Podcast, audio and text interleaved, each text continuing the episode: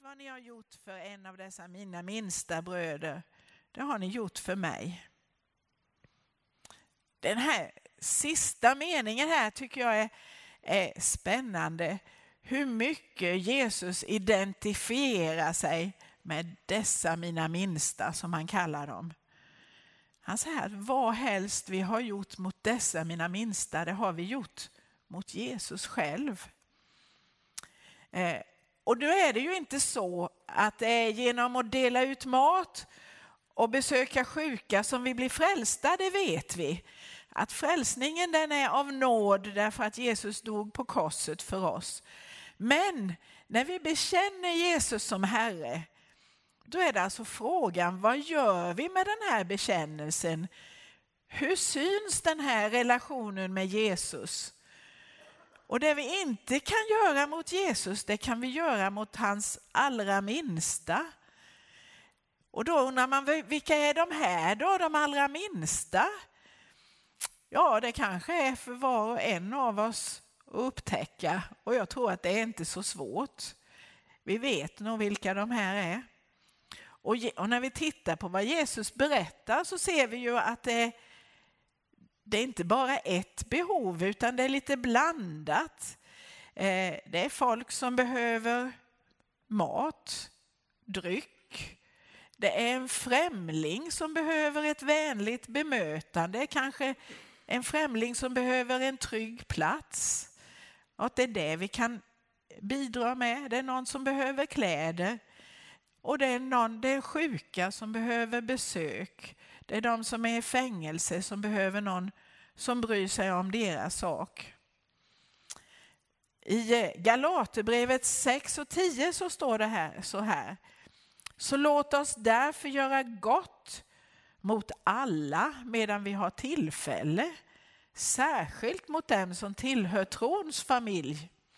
Och det är lite här som jag har hittat den här inspirationen för mitt arbete. Vi har en trons familj som det står i Galaterbrevet. Det betyder att vi har syskon, alla de som tillhör Jesus är mina syskon. Om de befinner sig i Taberg i Sverige eller någon annanstans så är de ändå mina syskon. Och jag har upptäckt då att det fanns en liten nisch där jag kunde hjälpa till. Det fanns kristna som inte har tillgång till Bibeln, som inte kan läsa Bibeln på ett språk de förstår. Eh, och det är just det här kanske att de är Jesu minsta bröder, de här som inte själva har tillgång till Bibeln. Och det är där jag kanske har kunnat göra den här lilla insatsen för de allra minsta. Så ända sedan 1986, det är så länge sedan så jag själv tappat, jag har inte tillräckligt med fingrar längre för att räkna upp hur länge sedan det är, men sedan 1986 så har jag jobbat i Papua Nya Guinea med bibelöversättning. Det finns över 800 olika språk i Papua Nya Guinea, ett land lika stort som Sverige. Så ni kan ju förstå då att det betyder att de här språken blir mindre än en svensk kommun. En del kanske är mindre än tusen personer som talar, kanske genomsnittet två, tre tusen personer som talar ett språk. Eh, och de här människorna, de, de är, ja precis språken, de är inte många och det är väldigt få som har någon högre utbildning.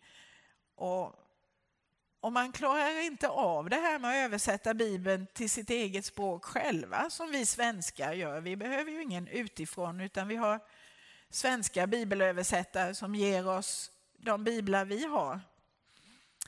Eh, men för att hjälpa de här människorna då så eh, när jag kom till Papua Nya Guinea så flyttade jag och en kollega ut till en by för att börja lära oss språket så här, bland Ramoaina-folket och för att kunna bo bland dem och tillsammans med dem översätta Bibeln. De ville att vi skulle lära oss språket snabbt. Och ni vet ju det här med att lära sig ett språk, det är inte så jättesmidigt. Eh, så de sa att jaha, nu har de flyttat hit, nu bor de här i byn, nu, nu ska ingen någonsin prata engelska eller pidgin-engelska med dem, bara på vårt eget språk. Då lär de sig snabbt. Och det var ju förstås lite knepigt ibland. Det är ju inte alla ord som man hade hunnit lära sig på de första dagarna där. Eh, så det blev ju mycket teckenspråk, men de var envisa. Så det, det, var, det var det som gällde, antingen deras språk eller teckenspråk. Jag kommer ihåg en gång eh, när jag skulle åka båt ut till ön. Vi var inne i stan och vi skulle tillbaka och det är ju, folket där bor på en ö så det var båtar som gällde. Jag kunde siffrorna. Eh, så jag tänkte jag ska fråga när ska båten avgå? När ska vi åka? Jag tänkte, säger han klockan tre så förstår jag ju tre. Säger han klockan fyra så förstår jag fyra. Det var inte svårare än det. Men vad han nu sa så hörde jag inga siffror. Vi försökte igen och frågade igen och lyssnade. Nej, det var inga siffror i svaret och ingenting jag förstod. Och så började han liksom peka ungefär så här. Eh, jag tänkte, jaha, det är då båten ska åka, ungefär där. Vad i all världen betyder det? Jo, han menade att ungefär när solen har gått ner så långt, ungefär där, då åker vi. Och det är en typisk Papua Nya Guinea tidtabell. Man åker när, när solen är på väg ner ungefär så. Och egentligen så spelar det inte så stor roll var solen är för man åker när alla har kommit och man tycker att det liksom, ja, nu är det dags. Eh, det är det här med bussar, det kan variera från att de åker klockan två till eller att de åker klockan sex. Det är bara att sitta där och vänta. Eh, så det är ju lite det här med kultur som man också ska lära sig då, till exempel det här med tid. Eh, en annan sak i deras kultur var att det finns ju vissa saker som är förbjudna i olika kulturer. Någonting som man inte gör. Eh, och I den här kulturen, bland Ramoaina-folket, så finns det ett förbud mot att uttala vissa släktingars namn. Och det är speciellt om man har en svärson och svärmor, det är väldigt speciellt. Men det är också med svågrar och så här, man får inte säga deras namn. Inte ens när det är någon annan som har samma namn. Så om jag har en svåger som heter Kalle, då får jag aldrig säga Kalle inte ens som Kalles Kaviar. Utan det är bara att det får man aldrig uttala. Eh, och istället så kan man ju säga till exempel, ja men det är Pelles pappa. Eller så använder man ett pluralpronomen, alltså man kallar dem dem. Och det var väldigt konstigt ibland när vi var i kyrkan och så sa de nästa vecka så ska de predika. Jaha, är det mer än en? Nej, men det är dem. Jaha, jaha, men då får man lista ut, ja, han som pratar, jaha, han har en svåger som han inte får säga namnet på, och då måste det ju vara den som ska predika. Eller så är det väldigt konstigt tycker jag, för det här ju, handlar ju med, om respekt. Man får inte säga namnet.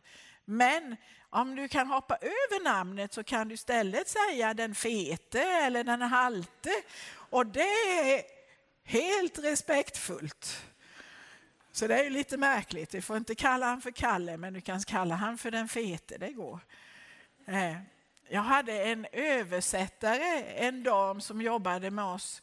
Och det här med att ha svärsöner, alltså man räknar ju sina systrars barn också som eh, barn, så man får ju väldigt många svärsöner då.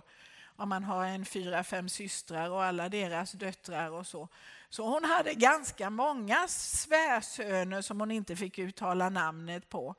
Och bland annat, och det var ju lite konstigt, hade hon både en Paulus och en David. Som vi hörde här om kung David. Så när hon läste Bibeln så var det då ibland att de så pratade om Paulus och Silas. Då kunde hon ju inte säga det utan då säger förbjudet namn och Silas gav sig iväg. Eller kung förbjudet namn kom och slogs med Goliat som vi hörde om här innan. Eh, så man fick ju försöka vänja sig vid det här. Eh, men så är det ju egentligen inte jag som översätter Bibeln. Jag är ju invandrare och utböling och det är ju kanske ibland så där att man inte lär sig språket helt perfekt. Eh, så jag har tränat upp översättare i de här byarna som ska kunna jobba med översättning. Och då kommer man på en annan sak med kulturen, att vi lär oss på så olika sätt.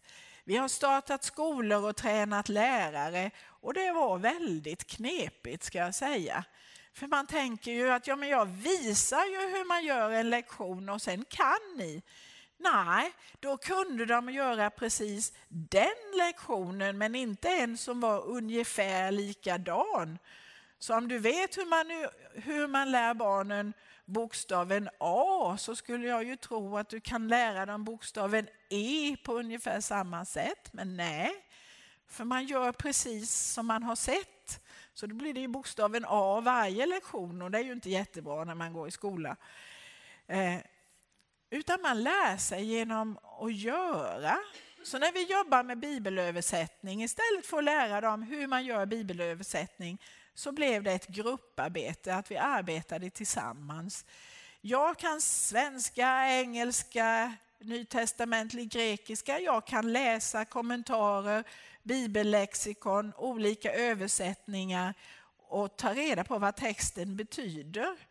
De är experter på sitt språk och när vi diskuterar det här tillsammans så kommer de på hur man kan uttrycka någonting på, på deras språk som låter naturligt, som är tydligt och ändå korrekt eh, med grundtexten. Många av dem jag jobbar med har inte bara gått några år i skola. De som är mest utbildade har gått ungefär svenskt högstadium. Eh, men de kan ju sitt eget språk naturligtvis. Eh, det, men det blir ändå inte alltid lätt. Jag ska läsa för en av de allra svåraste verserna som vi har att ta tag i. Det är en vers som finns på olika sätt lite grann, men fem gånger i, i, i Bibeln. I alla evangelierna plus apostlagärningarna. Och det är när Johannes döparen berättar om Jesus. I Matteus så låter det så här. Men den som kommer efter mig är starkare än jag och jag är inte ens värdig att ta av honom sandalerna. Ja, det borde ju inte vara så svårt att översätta det. Det är bara en mening så. Ja, men den första funderar man på hur hittar man ett ord för värdig? Ja, de försökte ju med bra. Men att säga att jag inte är bra på att ta av sandaler, det är ju inte riktigt samma sak som att jag inte är värdig och ta av sandalerna, utan säga men det är ju inte så knepigt, det kan du väl lära dig hur man plockar av sandaler. Men sen är det ju en annan fråga, tänk på den här, jag är inte ens värdig att ta av honom sandalerna. Varför i hela fridens namn skulle Johannes döparen när han berättar om Jesus som ska komma prata om sandaler? Det är ju väldigt märkligt. Han pratar om att jag är inte Messias utan någon Messias kommer. Och så pratar han om att plocka av sandaler. Där är det svåra. För det finns så mycket som ligger inbakat i den här lilla meningen som kanske vi som inte är israeliter på Jesu tid förstår. Dels så handlar det om att fötter är orena. Så är man lite fin av sig så låter man någon annan ta av skorna. Och vem är den andra? Jo, den allra minsta slaven den mest liksom lägst ner på ranken, han får göra det. Och det är lite svårt för oss att förstå kanske det här att, att den som är mäktig behöver någon som tar av sandalerna. Men likadant är det ju i Papua Nya Guinea. Hur förklarar man det här med slavar? Och att, han inte, att en mäktig man inte skulle ta av sina skor själv. Skriver man det som det är så låter det som att kanske en värdig blir bra. Jag är inte bra på att ta av någon skorna. Eller det är inte bra om jag tar någon skor. Och det är ju inte vad versen betyder, eller hur? Och så kan ni ju förstå att det är svårt det här med att översätta ord som, snö eller kamel eller tempel eller sådana här saker som inte fanns i, eh, i eh, papper, som, inte, som fanns i Israel men inte i Papua Nya Guinea. Men det finns ju andra ord kanske som vi måste tillsammans arbeta för att ta reda på vad, hur man översätter ord som förlåtelse, hopp, frälsning eh, och allt det här. Det måste man liksom diskutera med de här översättarteamet för att komma fram till någonting som var bibliskt korrekt och ändå kunde förstås. En del människor när vi översätter Bibeln jag är lite osäkra på om de verkligen vill ha en bibel på sitt eget vardagsspråk. Är, är det här språket verkligen tillräckligt heligt för att ha bibeln på? Och är vi egentligen menade att förstå vad som står i bibeln? Det kanske ska vara lite mystiskt och så här. Eh, och en del predikanter blev lite oroliga för de sa tänk om alla redan förstår bibeltexten, vad ska jag då predika om? För de har för det mesta bara läst bibeltexten på engelska och sen så gott de har kunnat talat om vad den betyder och det är hela predikan. Så det var ju också lite skrämmande då kanske. Men när Bibeln är på samma språk som vardagslivet, då blir det ju en helt annan sak. Då kan man ju för, liksom förstå att det jag gör i vardagen, det är ju precis det som Bibeln talar om. Jag kommer ihåg en gång det var en pastor som kunde läsa Bibeln på ett annat språk, hade gjort det. Eh, men nu hade han fått Bibeln på sitt eget språk och han grät över ett enda ord i bibeltexten som han, och han predikar över detta enda ordet. Eh, det är från Johannes 14. I vers 2 står det så här, i min faders hus finns många rum. Skulle jag annars säga att jag går bort för att bereda plats för er och om jag nu går bort och bereder plats för er ska jag komma tillbaka och hämta er till mig för att också ni ska vara där jag är.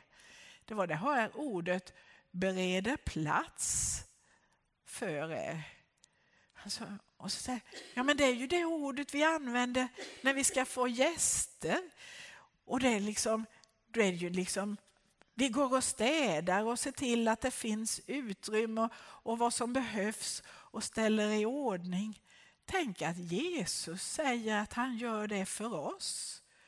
Och ibland kanske vi också blir lite sådär blinda för bibeltexten. Vi har hört den så många gånger.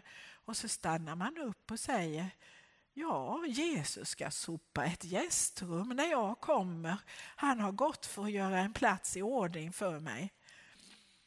Eh, och det är sådana här saker som kanske ibland när man läser Bibeln på ett annat språk går en förbi. Jag ska sluta med en annan bibeltext. Det är från Andra Timoteusbrevet 3 och 16 och sen över till kapitel 4, vers 1 och 2. Varje bok i skriften är inspirerad av Gud och till nytta när man undervisar, vederlägger, vägleder och fostrar till ett rättfärdigt liv. Så att den som tillhör Gud blir fri från sina brister och rustad, rustad för alla slags goda gärningar. Eh, kapitel 4 fortsätter bara tvärs över kapitelgränsen. Jag besvär dig vid Gud och Kristus Jesus som ska döma levande och döda. Jag besvär dig vid hans ankomst och vid hans rike. Förkunna ordet, Träd upp i tid och otid, vederlägg, tillrättavisa, vädja tålmodigt och med ständig undervisning. Det är från Bibeln som vi lär oss vad vi ska göra, vad vi inte ska göra. Vederlägga, det är lite konstigt att det är ett ord som finns med i moderna översättningar, men det är ju att, att säga till någon att inte göra någonting. Som vi ska undervisa, vederlägga, vägleda och fostra. Och det är vad Bibeln är till för. Tänk er då en församling som inte har någonting som är nyttigt för undervisning, som inte har något som kan vederlägga fel, ingenting som vägleder och ingenting till fostra, fostran till ett rättfärdigt liv. Eller som det står i vers 17, att den rättfärdige kan bli fri från sina brister och rustad för alla slags goda gärningar. Det är det vi behöver Bibeln till. Och sen fortsätter då Paulus när han pratar direkt till Timoteus. Du måste eh, förkunna ordet. Träd upp i tid och otid. Och det är en annan sak som är svår att översätta. Vad är otid? Tid och otid. När folk vill lyssna, när folk inte vill lyssna. När det är bekvämt att predika, när det är obekvämt att predika. Men predika, förkunna ordet. För det är där vi hittar vägledning. Eh. Och det, och det är där som jag har min inspiration. Jag tänkte att när jag kom till Nya Guinea, då mötte jag människor som hade biblar som såg ut så här. Det fanns ingenting att läsa, inga bibelvässar som de kunde läsa på ett språk de förstår. Och tack vare att ni har varit med och hjälpt mig och speciellt tack till den gode guden och hans heliga ande som har hjälpt lilla mig så har nu Ramoaida-folket fått en bibel som de kan läsa på sitt språk den var färdig 2007. Och Fanamarket-språket har fått en bibel de kan läsa på sitt språk och den var färdig 2020 men de fick den inte förrän 2021. Som ni vet så kom det någonting emellan där som de kallar en pandemi. Och precis som jag har min svenska bibel så har de också sin bibel och nu fortsätter jag med ett tredje språk som heter siarlak. Det är viktigt för oss att läsa vår bibel. Den här står det inte bibel på, men det är det en svensk bibel. Det är viktigt att vi har någonting som rustar oss till goda gärningar, som gör oss eh, fria från våra brister. Eh, men det är också viktigt att som Jesus påminner oss om att vi ska se till dessa mina minsta. Om det nu är Bibeln de har behov av eller något annat vi har behov av så får vi som kristna vara med i trons familj och hjälpa våra syskon i världen med det de behöver. Vi ska be.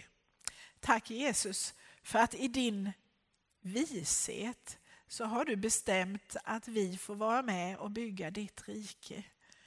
Att du visar dig i dessa dina minsta som vi får hjälpa till och stödja. Det är där vi får tjäna dig. Tack Jesus för att du bryr dig om oss. För vi är också dina minsta och du bryr dig om dem som saknar någonting. Tack Jesus för att du finns när vi går i ditt namn. Du finns med oss, du hjälper oss och ditt rike fortsätter att växa. Efter att ha växt i 2000 år så får vi vara med i vår generation. Det tackar vi dig för. I ditt namn. Amen.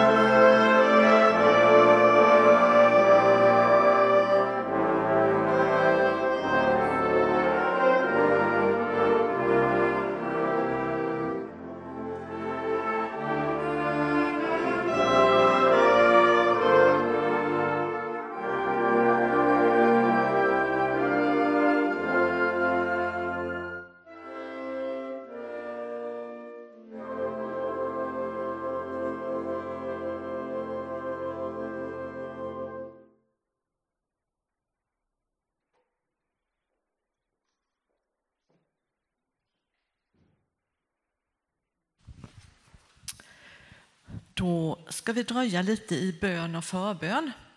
Och under tiden som vi sjunger eh, två bibelvisor kan man säga här så har du möjlighet att gå fram och tända ett ljus i vår ljusbärare eller dröja i enskild bön.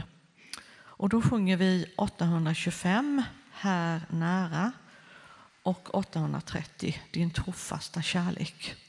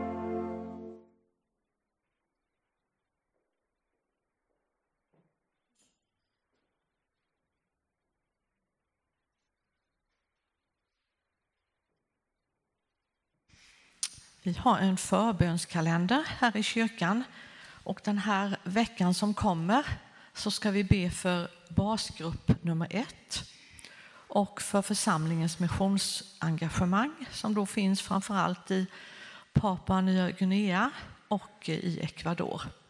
Och sen ska vi be för hembygdsföreningen som verkar här i samhället och i dalen. Låt oss be. Herre, jag tackar dig att vi får lyfta upp de här bönämnena som jag precis nämnde. Herre, inneslut alla som är med i basgrupp 1. Du vet precis vilka det är och du vet vilka behov respektive person har. Och du kan möta var och en utifrån det. Och Jesus, jag ber för Lisbeth speciellt och hennes arbete med bibelöversättning. Vilken fantastisk glädje när man kan få öppna en bok, Bibeln, på sitt eget språk. Så ber vi för arbetet i Ecuador. Och Jesus så får vi också innesluta vårt eget samhälle här. Det arbete som hembygdsföreningen ger, gör och det är många medlemmar som är engagerade och vi alla får del av det. Så Jesus ber vi för ljusen. Du vet precis Herre vad som finns för tankar och böner i varje låga. Vi överlämnar det till dig. Vi får lita på Herre att du tar hand om våra bönämnen. Du lättar vårt hjärta. Vi får lita på att vi är omslutna av din kärlek. Och Jesus, jag ber också för de böner som beds av de som sitter i bänkarna här och du som sitter vid radion. Du får överlämna dina böneämnen till Herren och han har lovat att ta hand om dem.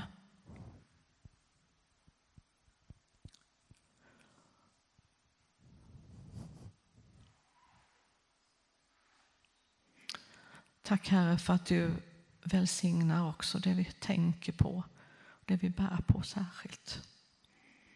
Tack för att vi får dela gemenskapen i vår gudstjänst. Så ber vi för veckan som ligger framför. Du vet vad vi har på programmet och tack för att du är med oss där vi finns till vardags.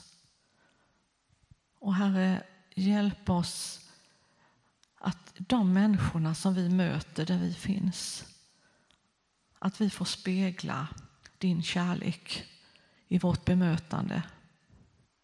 Herre, det betyder så mycket att vi som Guds folk i vardagen, det behöver inte ens vara med ord, men ett bemötande som kan göra skillnad. Tack Herre för att du hjälper oss att ta vara på den gåvan. Amen. Ta så emot Herrens välsignelse. Herren välsigne dig och bevara dig. Herren låter sitt ansikte lysa över dig och vara dig nådig. Herren vände sitt ansikte till dig och ger dig frid. I Faderns och Sonens och den helige Andens namn. Amen. Nu går vi mot slutet av vår gudstjänst och du har lyssnat till en gudstjänst från Tabergs Missionskyrka. Lisbeth Fritzell har predikat, musikkåren har spelat och ljudtekniker har Erik Holmberg, Peter Jansson och Hans-Erik Norberg varit. Och jag heter Eva Berntsson som har lett gudstjänsten. Nu får vi lyssna till musikkåren. Nej, vi ska sjunga en psalm först, precis. Psalm nummer 410. Sen spelar musikkåren till slut. Thank you.